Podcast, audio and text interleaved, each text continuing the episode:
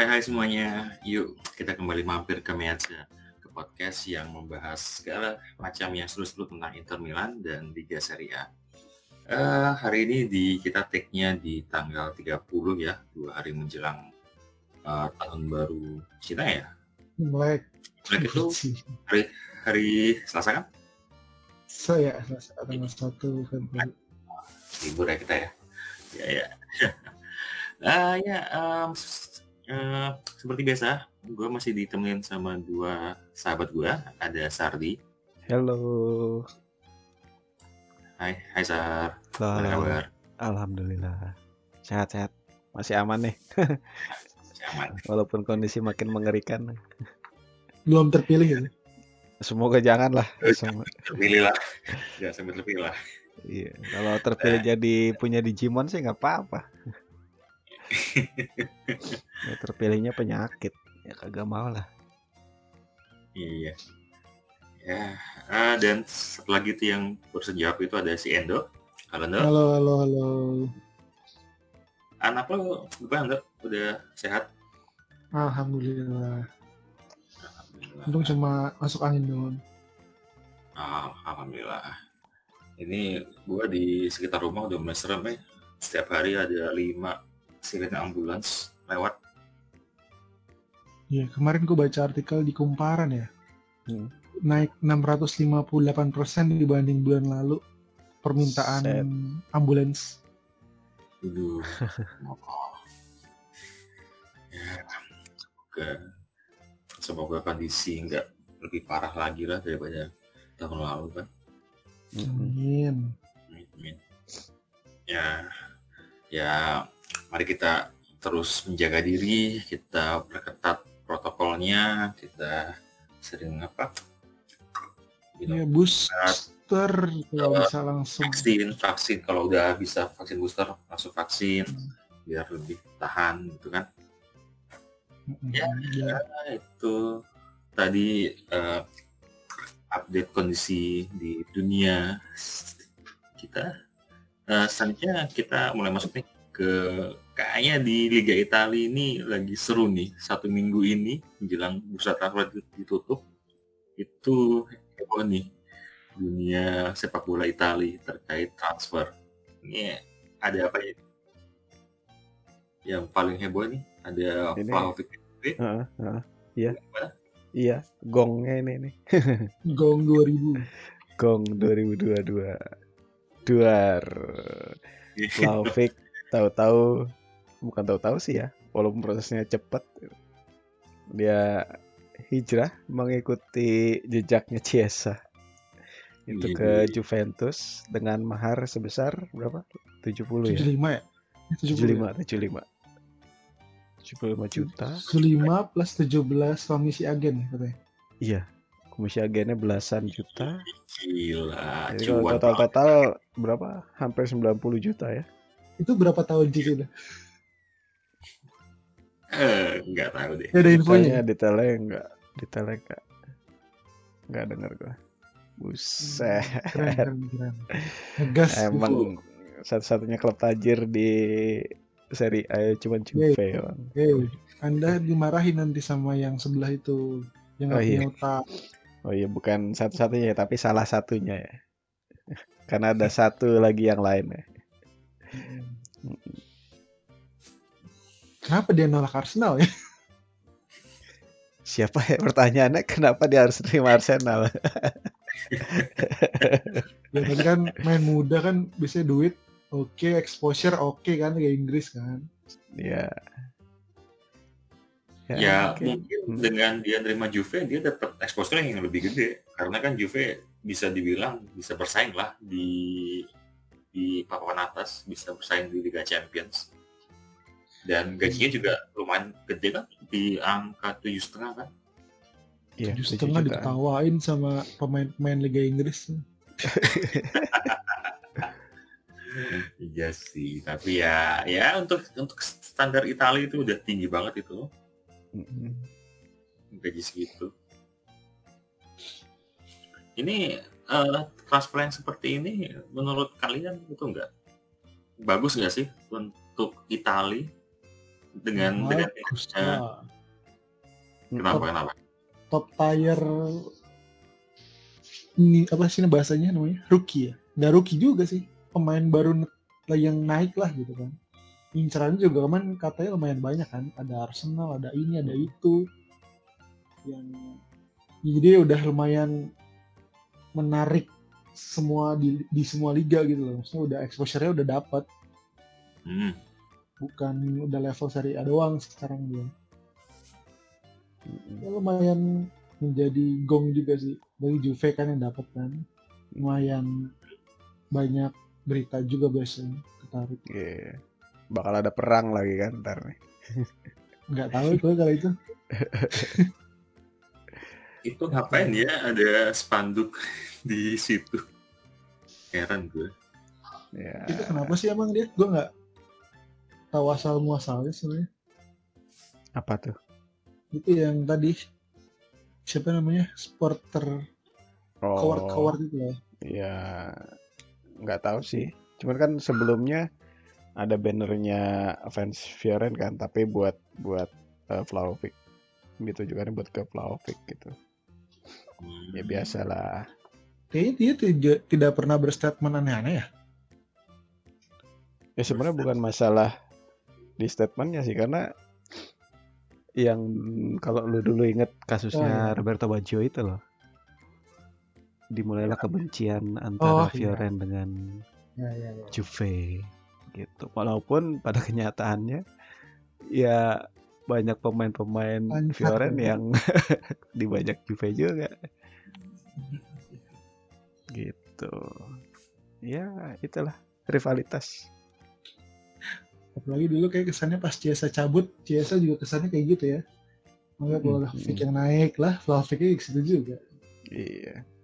Sekarang kan pertanyaannya presidennya ini kenapa nge-transfer ke Juve? Gitu. Ya, mungkin dari sisi itu sih, sisi eh, dusannya yang emang nggak pengen keluar Itali kali ya. Iya.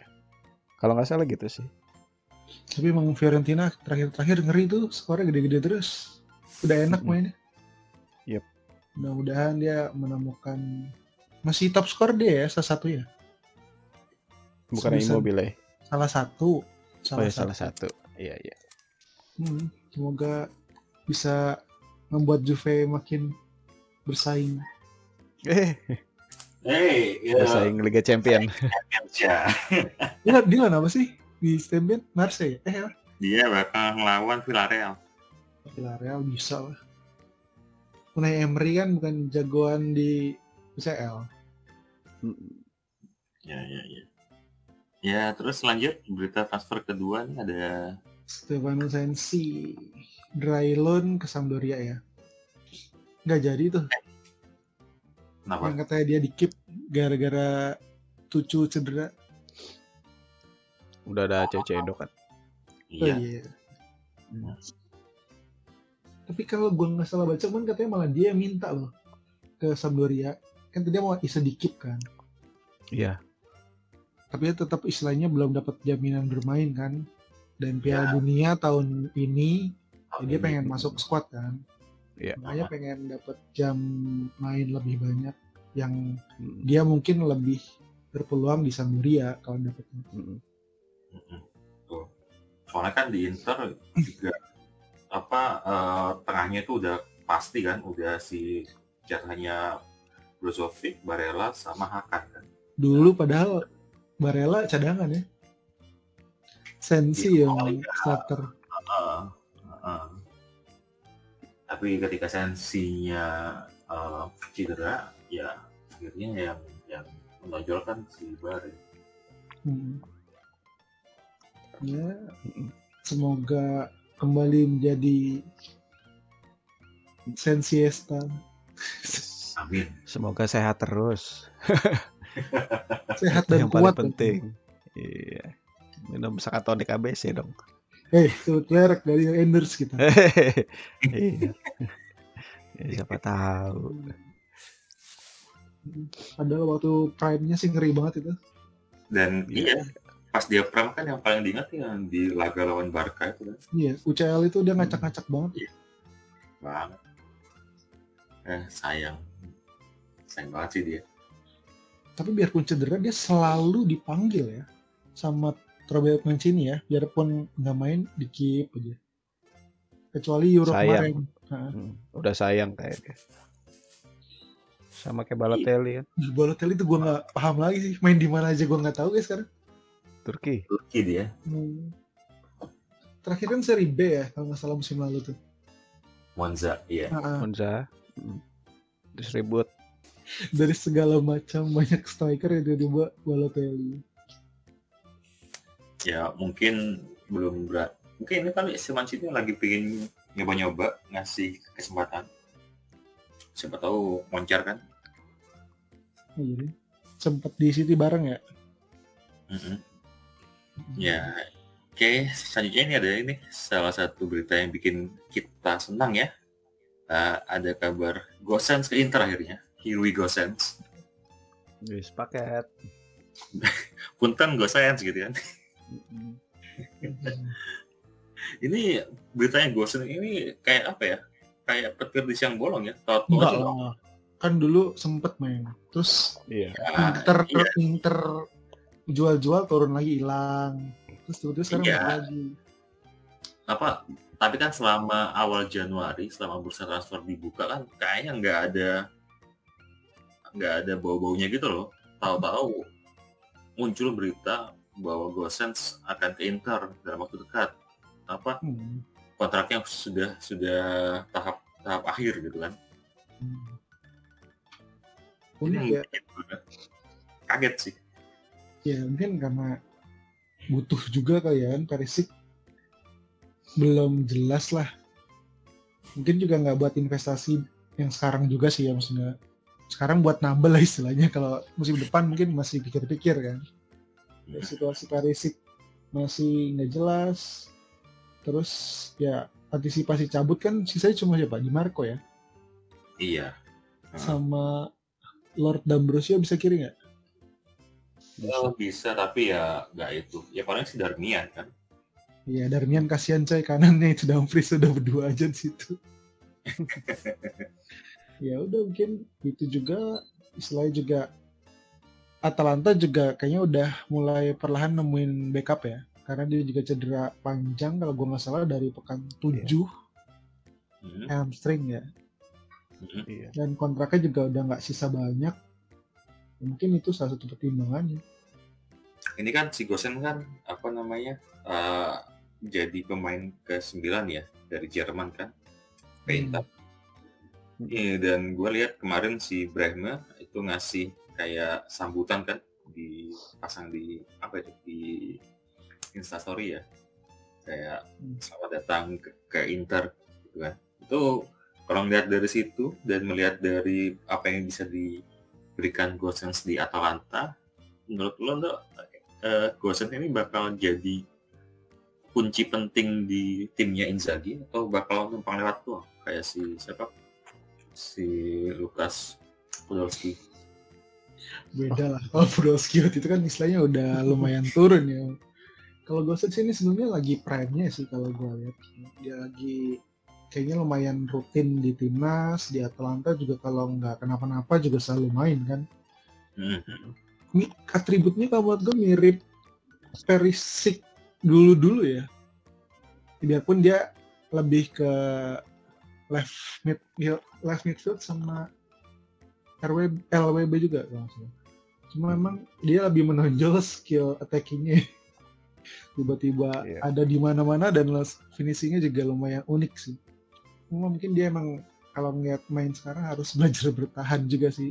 Bukannya jelek, cuma kalau gua ngeliat lebih menonjol attackingnya Hmm. kan ya fungsi Perisic juga selain menyerang juga kan turunnya lumayan kan. Hmm, hmm. Kalau fitnessnya kayaknya sebelum cedera oke banget sih lari terus Iya, fisikal ya orangnya. fisiknya kuat posturnya juga mendukung Hmm. larinya juga lumayan kayaknya tapi ya Itu- the right man in the right place-nya sih yang salah satu yang unik kayak itu ya kayak dia laga lawan Portugal gitu kan ya Hmm. dia atau nongol Oh iya. kiri kan Hmm. Akhirnya langsung dikasih kaos Ronaldo ya.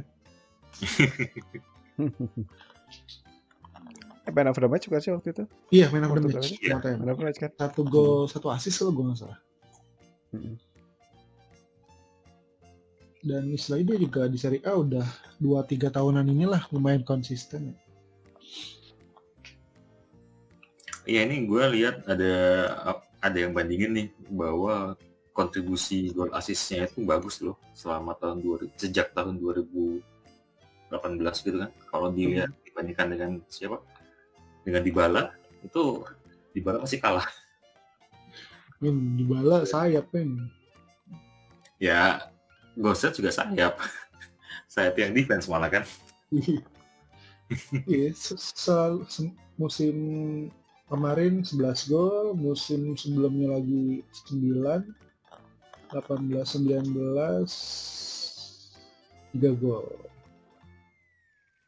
Keren untuk Iya, iya. bukan Untuk- penyerangnya. Betul, betul.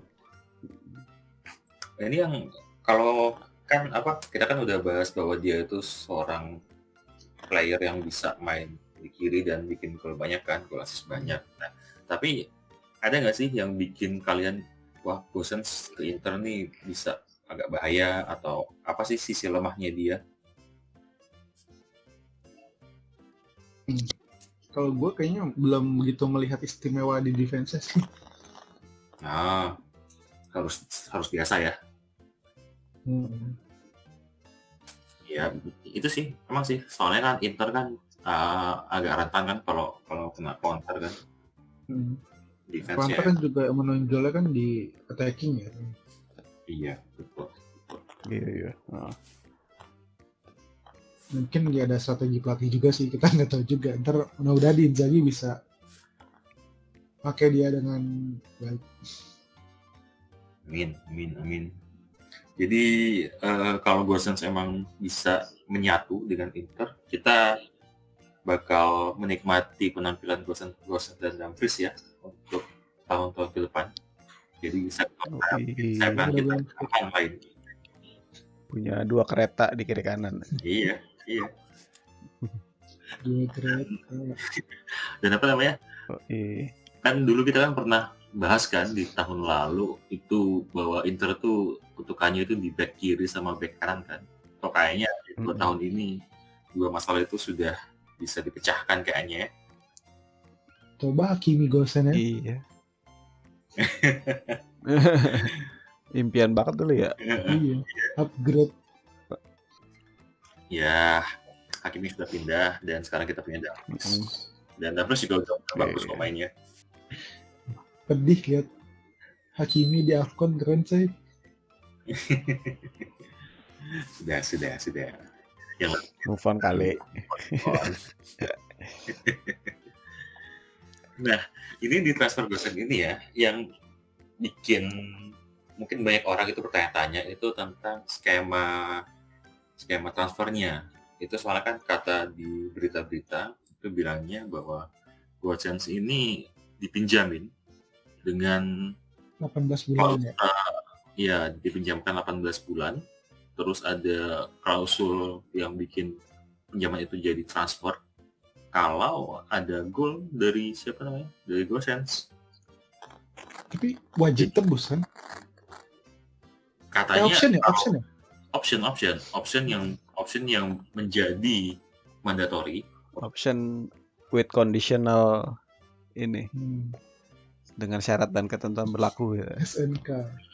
SNK jadi SNK-nya itu kalau Gosensnya bikin gol maka Inter harus beli Gosens tapi bayarnya itu setelah 18 bulan. Jadi nggak langsung ketika Gosens bikin gol, Inter langsung bayar. Hmm. Nah, yang unik ini juga ada yang bilang bahwa bayarnya itu nggak langsung juga bisa dicicil. Lima kali ya. coy. Cicil lima kali. Gila ya?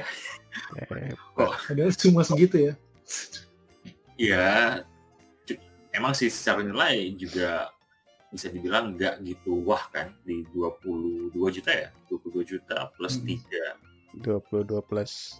Mm-mm. Di bawah harga pasar loh itu. Versi transfer market. Mm. Mm-mm.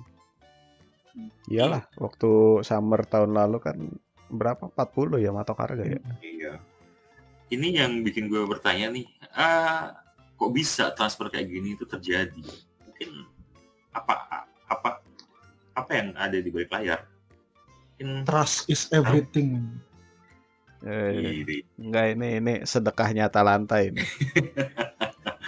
Kasih sedekah nih kasihan nih klub lagi mau bangkrut kan. Fakir Kismin, klub Fakir Kismin.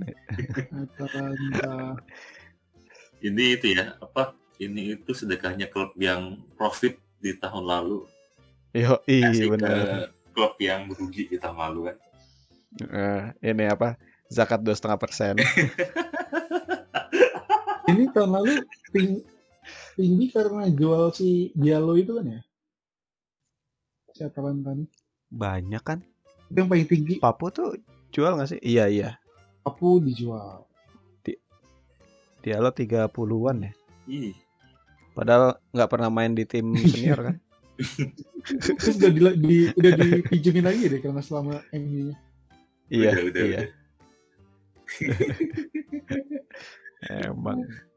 Ini kalau kalau tim yang orientasinya ke sur apa profit ya begini nih. Kan kita tadinya mau kayak gitu kata dia. Inter jadi Oh, tim iya. akademi. iya. Ngambil model bisnisnya Atalanta ya. Ya. Jadi? Dengan Ya, ta- ah, terus terus terus apa? iya, terus terus terus Iya. terus saya dulu ya. Enggak, enggak. Itu kan eh jadi kan dengan pola transfer yang kayak gini nih 18 bulan terus dibayarkannya dicicil lima tahun itu bakal ngefek gak sih ke laporannya Inter? Oke, jadi kalau kita ngomongin transfer, ini sebenarnya ada beberapa hal yang akan terpengaruh sih terkait dengan keuangan Inter. Dalam hal ini yang nantinya kecatat di laporan keuangan ya. Nah, yang jelas eh, pertama soal biaya gaji nih. Ya, nantinya kan Iya. pasti akan pengaruh ke Hmm. laporan laba rugi. Terus selanjutnya ada biaya transfer yang nantinya bakal Hmm. jadi eh, apa beban amortisasi ya, yang bakal langsung pengaruh juga ke laporan laba rugi. Terus yang terakhir nanti ini soal arus uang keluar itu nanti terkait pembiayaan transfer. Ini pengaruhnya ke laporan cash flow nanti. Nah, dalam kasus transfer pemain itu kalau misalnya kita ambil contoh transfer langsung ya, nggak pakai lawan apa pun, eh, itu nanti akan langsung diakui di tahun ekonomi yang bersangkutan gitu. Nanti akan langsung berpengaruh ke langsung dicatat di laporan keuangan tahun bersangkutan dan Hmm. ya itu tadi langsung pengaruh ke laba rugi sama cash flow gitu. Nah sementara untuk kasus Gosens ini kan agak beda ya karena dia dilakukan dengan eh, pinjaman plus opsi tebus dengan eh, suatu kondisi yang bisa merubahnya menjadi eh, obligation dari option ke obligation gitu. Nah, buat model transfer kayak gini eh, ada dua sumber yang mau gua jadiin acuan. Pertama itu ada regulasinya financial fair play-nya UEFA. Cuman gue punyanya di 2012 ya, semoga nggak obsolete. Terus ada lagi ini eh, dokumen Accounting for Typical Transaction in Football Industry Issued and Solutions Hmm. under IFRS ini dirilis sama PwC PricewaterhouseCooper ya tau lah itu kantor akuntan publik segede apa gitu. Iya, iya. iya. Nah, di regulasinya UEFA itu disebut bahwa eh, ini gua kutip ya. Law deals with condition obligation to buy that is virtually certain must be recognized as permanent transfer from the inception of the loan agreement kalau versinya PwC itu dia bilang gini if the condition is non-substantive Hmm. the transaction should be accounted for as permanent transfer when control as player transfer Iya. dari dua ini ada satu kesamaan yaitu Hmm, hmm, hmm.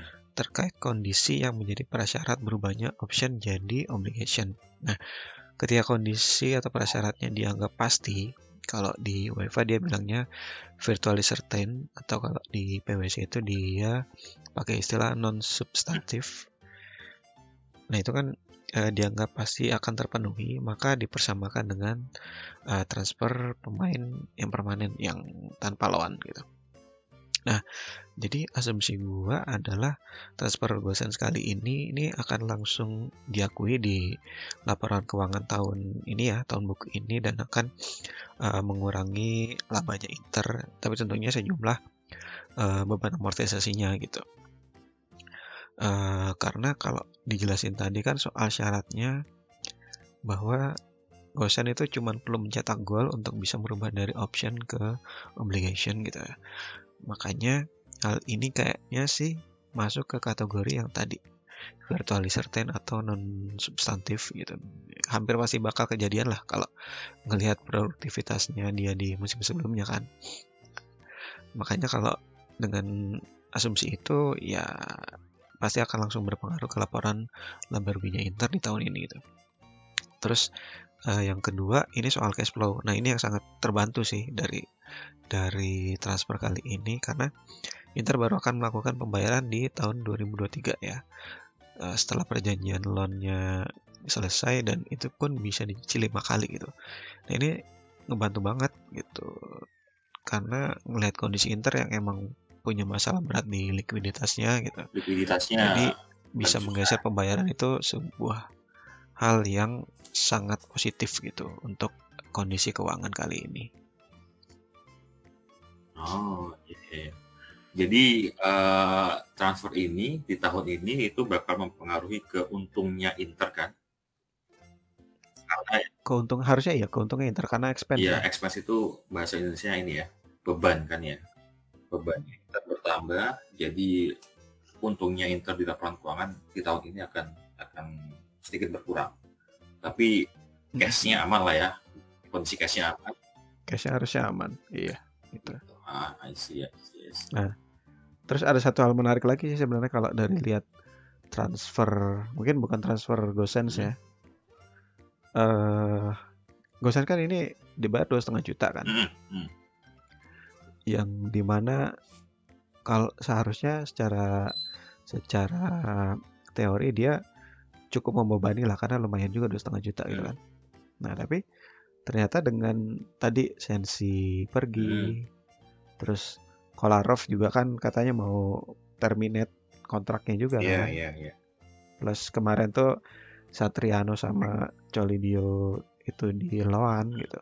Artinya sebenarnya slot slot gajinya itu sebenarnya enggak tadi kan uh, di salah satu khawatirannya kan akan menambah porsi di gaji kan. Mm -hmm. Tapi ternyata slot itu kalau dilihat-lihat sebenarnya ada gitu. Makanya mungkin Marota juga berani buat ngepus ngepus Gosen untuk datang di bursa transfer Januari ini gitu. Oh, iya, iya. Itu sih. Jadi harusnya aman lah ya Gosens datang ke Inter itu udah dipertimbangkan. Jadi masalah gajinya itu kita sudah aman, kemudian masalah cashnya juga hmm. sudah disiapkan di tahun 2023 ya kan dan untuk masalah profitnya mungkin juga nanti akan mengurangi profit hasil kita jual Lukaku dan Hakimi kali ya Yep. Iya iya betul. Gitu, gitu. Nah ini selain Gosens nih tadi kita udah sempat bahas itu ada Kaisedo nih ke Inter. Ini uh, mm-hmm. kenapa nih kok yang dipilih itu Kaisedo dan yang menarik juga gajinya cuma dikit nih, cuma 800 ribu. Itu emang emang murah banget ya dia ya. Mungkin pengalaman pernah kerja bareng Janji kali ya di Lazio. Dan waktu itu saya dia super yep. sub juga kan, sering memisahkan lawan-lawannya gitu. Jadi nggak ada kalau melihat statistiknya sih tidak terlalu istimewa ya, cuma mungkin ya udah menjadi butuh iya. dan merasa cocok kayak waktu itulah kalau menurut gue mirip kayak ketika Conte meng-hire si siapa Moses lah.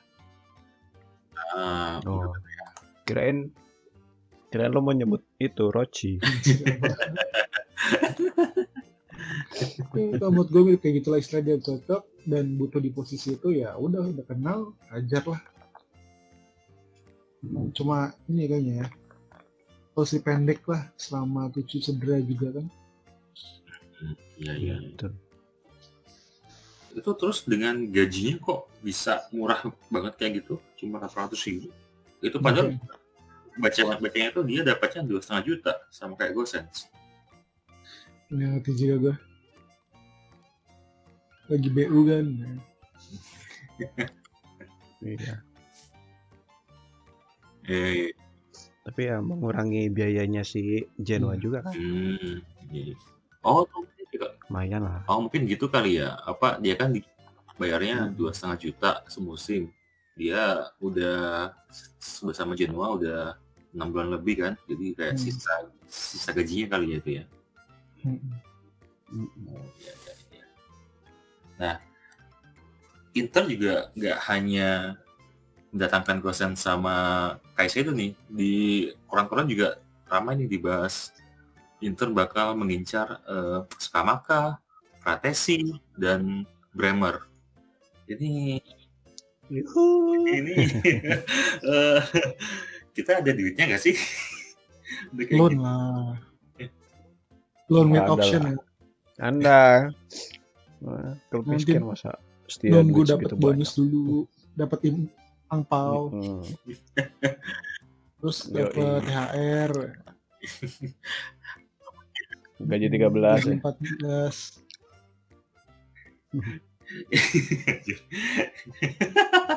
Gaji 14. Bremer sih kayaknya ini ya, isunya buat backup, eh bukan grab, backup, mengganti The Fry ya. Oh. The Fry udah itu ya, udah bakal di Lego kali ya. Bukan bukan Lego. Itu Liga Inggris merayu-rayu dengan Hmm. Kuat. Tapi katanya kalau gue baca si Mino menjanjikan minimal 25 juta buat Inter. harganya. buat Inter. Hmm. Iya buat Inter. Maksudnya harganya si Stefan. Ada berita kayak gitu. Dia kontraknya bisa satu setengah tahun kan ya? Hmm. Kalau di, Mm-mm. Udah ya, dikit lagi kalau, kok. kalau dijual di tahun di bulan Juli itu ya harga segitu ya ya wajar lah ya. Umurnya juga udah 40 Sementara si si Bremer kan kata kalau nggak salah Torino minta 20 kan, 20. cuan 5 ya. Ya. iya, semoga masih dapat cuan. Apalagi kalau loan dulu kan. Hihi, enak banget. Tapi sayang sih Fry itu salah satu yang paling Mm-mm. matang. Iya. Ya, gue sih berharap dia tetap stay sih karena dia masih terlihat sangat kompeten di sisinya, di Iya. posisi Agennya Iya. yang gak kompeten. Ih, sangat kompeten itu. agennya sangat kompeten doh buat nyari nyari klub itu Sangat banget dia. nyari duit. Ah, Hmm, Ampun gue bingung banget. Ini nggak ada yang ini ya loyal ya klub mainnya dia tuh. ini yang yang bikin unik juga nih eh, kabarnya kabar bursa transfernya Inter ini menggeliat ketika Zhang itu datang ke Milan. Jadi kayak ada apa ya? Kayak ada apa namanya? Pesan atau keputusan langsung dari Stephen bahwa oke gue datang nih nih. Kalian silakan transfer. Ini apakah ada hubungannya nih dengan berita-berita satu lagi nih terkait refinancing pinjaman Ya kayaknya sih. Hmm. Bisa jadi. Soalnya juga Hmm. Nah, Nah. di di teman-teman sekalian nih yang yang dengerin kita ini pada nggak tahu nih apa sih itu ref, refinancing refinancing mungkin ada yang bisa menjelaskan bantu Jadi menjelaskan lubang tutup lubang ya. Be? Mau nunda-nunda nunda bayar Lagunya utang aja. Roma Be. Irama. Kayak lagunya Roma Irama. Gali banget Astaga. pinjam utang bayar eh pinjam uang bayar utang. Iya. Ya pada intinya kan dalam waktu dekat ada utang Inter yang jatuh Hmm. tempo.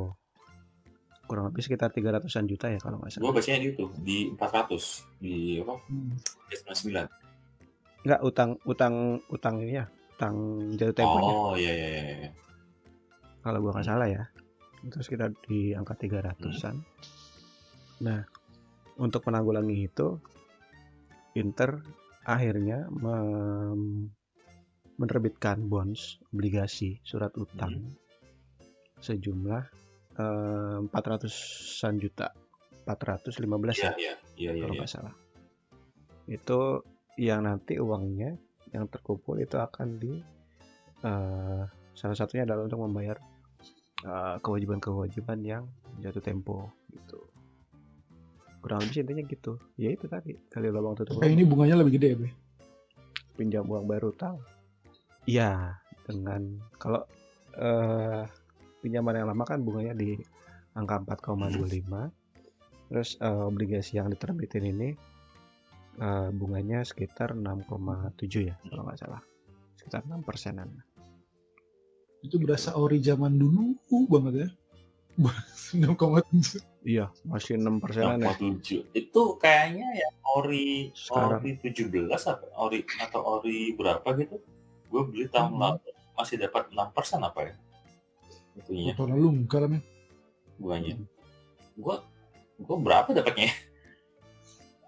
Iya. Terakhir udah 5 ya? 5 Empat. apa 4 sih? 5. 5. Eh 4 4 4. Empat, Empat empat, ya? Setengah apa ya? empat, yang empat setengah apa empat tujuh lima gitu. Yang yang ori 21. Nah itu. Jadi Itu dengan bunga bunga kayak gitu kan bunganya kan naik tuh dari 4,25 ke 6,7 persen. Itu bagus gak sih untuk. Inter?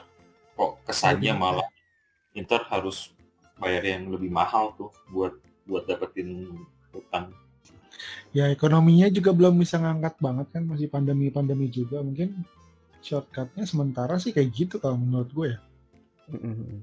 Iya memang apa ya ibaratnya eh, ongkos ongkosnya itu Semua. memang Tapi mahal. yang bisa dilakuin kayaknya sementara gitu. Mm-mm. Karena bunga itu kan basisnya risiko ya. Jadi ketika eh, lo ngambil pinjaman, lo akan diassess risiko lo eh, seberapa besar dan itu yang jadi jadi dasar buat menentukan bunga. Karena kalau misalnya risiko tinggi bunganya rendah, siapa yang mau ngambil? Iya, iya, iya. Gitu. Kan high risk high return gitu. Makanya di kondisi yang ada saat ini ketika ya kita tahu sendiri eh, kemarin faktanya bahwa laporan keuangan Inter sangat merah kan sampai 200 juta loss-nya gitu. 264 juta.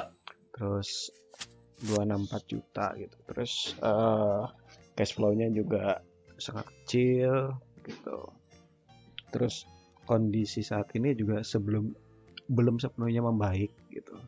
Walaupun sempat membaik di awal tapi eh, ada ada kondisi yang kembali membuat pasar itu jadi lesu gitu. Makanya eh, ketika menerbitkan obligasi ini ya risikonya menjadi lebih tinggi dari sudut pandang si investor nah sehingga bunganya pun akan jadi lebih tinggi gitu sesuatu yang normal kalau misalnya dilihat dari sudut pandang ya investasi gitu. Iya, iya, iya. iya. Jadi ini utangnya ini berisiko nggak sih? Apa Inter ntar bakal bisa bayar nggak sih? Terus itu juga Eh. perhitungan matang juga sih. Tapi mudah-mudahan ya kondisinya membaik gitu. Iya, kalau soal bisa bayar sih, fans ya pengennya bisa dibayar semua. Ya nggak pasti berharap begitu, cuman kalau ngomongin risiko, ya jelas buat Inter sendiri, pertama nilai utang naik, bunga juga naik. Ya berarti kan eh, beban di masa depan juga eh, bakal naik nih, apalagi di tengah kondisi yang masih belum pulih sepulih-pulihnya juga nih kan ya masih belum kayak kondisi normal juga gitu. Nah terus buat investor ya pasti nganggep ini sangat beresiko investasi dengan ngambil uh, surat utangnya Inter gitu. Bahkan ada artikel di Bloomberg ya yang nyebut kalau obligasinya Inter ini udah masuk juga ke kategori junk alias sampah gitu. Cuman kemarin gue uh, baca juga nih ada analisisnya dari Fitch Rating. Nah, Fitch Rating ini salah satu dari big three credit rating agencies. Nah, uh, dia bikin analisis terkait uh, ya surat utang yang mau dirilis sama Inter gitu. Nah, uh, di analisisnya itu si Fitch Rating ini pertama kali dia mengangkat terkait uh, pandemi yang sangat berdampak Hmm. Terhadap pemasukan klub gitu. Ya kita tahu sendiri lah kayak gimana pengaruhnya gitu. Tapi Fitch Rating juga nyebutin beberapa key rating driver uh, yang dipakai buat memberikan penilaian gitu. Yang pertama itu uh, ternyata Serie A masih dianggap sebagai liga yang prestigius gitu. Dan Hmm. salah satu yang terpenting adalah memungkinkan Inter ya, kalau misalnya dia berprestasi uh, buat masuk ke UCL gitu. Nah, hal ini tuh menjanjikan pemasukan tahunan yang besar dan benefit lainnya juga banyak gitu. Terus yang kedua itu Inter dianggap sebagai tim sepak bola Eropa yang ikonik gitu dengan lebih dari 100 tahun sejarah gitu. Hal ini sangat memperkuat brand Inter di mata fans dan juga sponsor. Terus uh, Meazza juga dianggap sebagai historic stadium yang uh, besar dan penjara gitu dengan 70 hampir 80 ribu kursi yang bisa memberikan uh, pemasukan buat Inter gitu ketika terisi penuh gitu. Nah cuman selain beberapa hal yang apa ya kayak sebagai mendukung lever uh, menaikkan uh, nilai ada juga beberapa hal yang ternyata sangat menurunkan nilai Inter di mata Fitch Rating gitu. Pertama, uh, struktur hutang. Ya. Nah, ini nih yang bikin resiko uh, menaikkan resiko lah gitu. Karena utang Inter ya kita tahu udah udah gede banget dan uh, jatuh temponya juga cukup dekat gitu. Terus selanjutnya ada uh, financial profile gitu. Nah, financial profile ini dilihat dari uh, laporan keuangan yang terakhir dirilis sama Inter. Ya, kita tahu sendiri lah gimana ah, ya, ya, ya. uh, EBITDA ya EBITDA yang uh, negatif gitu. Selain itu uh, cash flow-nya juga uh, rendah gitu. Nah, ini yang uh, jadi primary metrics yang dipakai sama untuk uh, ngasih rating gitu. Dan ya financial profile ini sangat mempengaruhi dan mendorong sentimen negatif dari calon investor sih. Jadi ya ya berisiko gitu. Jadi selama Inter bisa berprestasi di lapangan, maka utangnya Inter ini bisa lah ya dibayarkan ya. Eh, ada kemungkinan bisa dibayar. Karena Ya. kalau kalau kalau dibilang pasti bisa dibayar, eh kalau pakai pakai ininya si Fitch rating ya, dia tidak tidak menggunakan istilah pasti akan bisa dibayar gitu. Mhm. gitu. Karena memang harus melihat dari sisi aspek eh, olahraganya tadi gitu. Karena kalau misal dari si aspek olahraganya tadi kan bisa secara langsung, secara karena yang tadi dijelaskan kan secara langsung tuh imbas secara langsung ketika suatu Mhm. se- suatu klub itu berprestasi gitu. Mulai dari uang hadiah, mulai dari broadcast segala macam kan itu yang secara langsung kan. Padahal ada juga hal-hal yang secara tidak langsung bisa mempengaruhi kayak misalnya ya besaran sponsorship yang bisa di diraih gitu. Itu kan secara tidak langsung gitu. Kalau misalnya suatu klub itu bisa berprestasi ya besaran sponsornya juga pasti akan bisa jadi mengikuti hal itu gitu. Sebenarnya sih kayak gitu. Ya, ya, ya. Ini jadi ya utang itu bagus gak sih sebenarnya? Haram ya. Eh, haram tuh bunga.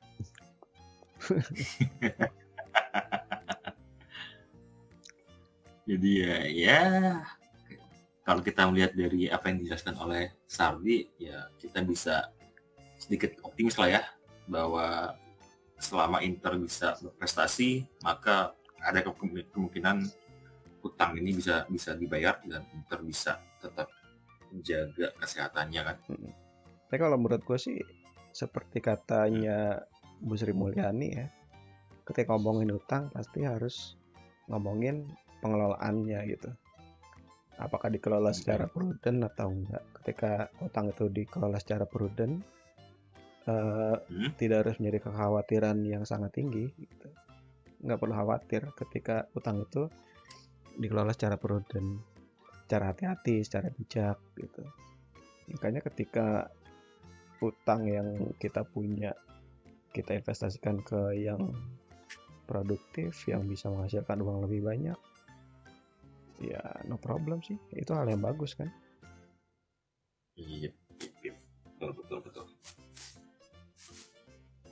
Oke, mungkin minggu ini cukup sekian saja diskusi kita. Kita kita seru nih membahas hal yang berbeda, yaitu masalah hutang, masalah eh, yang apa ya, lebih ke masalah ekonomi ya, bukan masalah lapangannya. Hmm. Jadi eh, jangan lupa untuk follow kita di Twitter ada @gemiatza. Silakan di follow dan kita bisa bersaling bercengkrama di sana, saling balas balas membalas. Bisa kirim saran dan kritik juga kepada kami. Dan kita akan sampai bertemu kembali ke minggu depan. Ciao. Ciao. Ciao.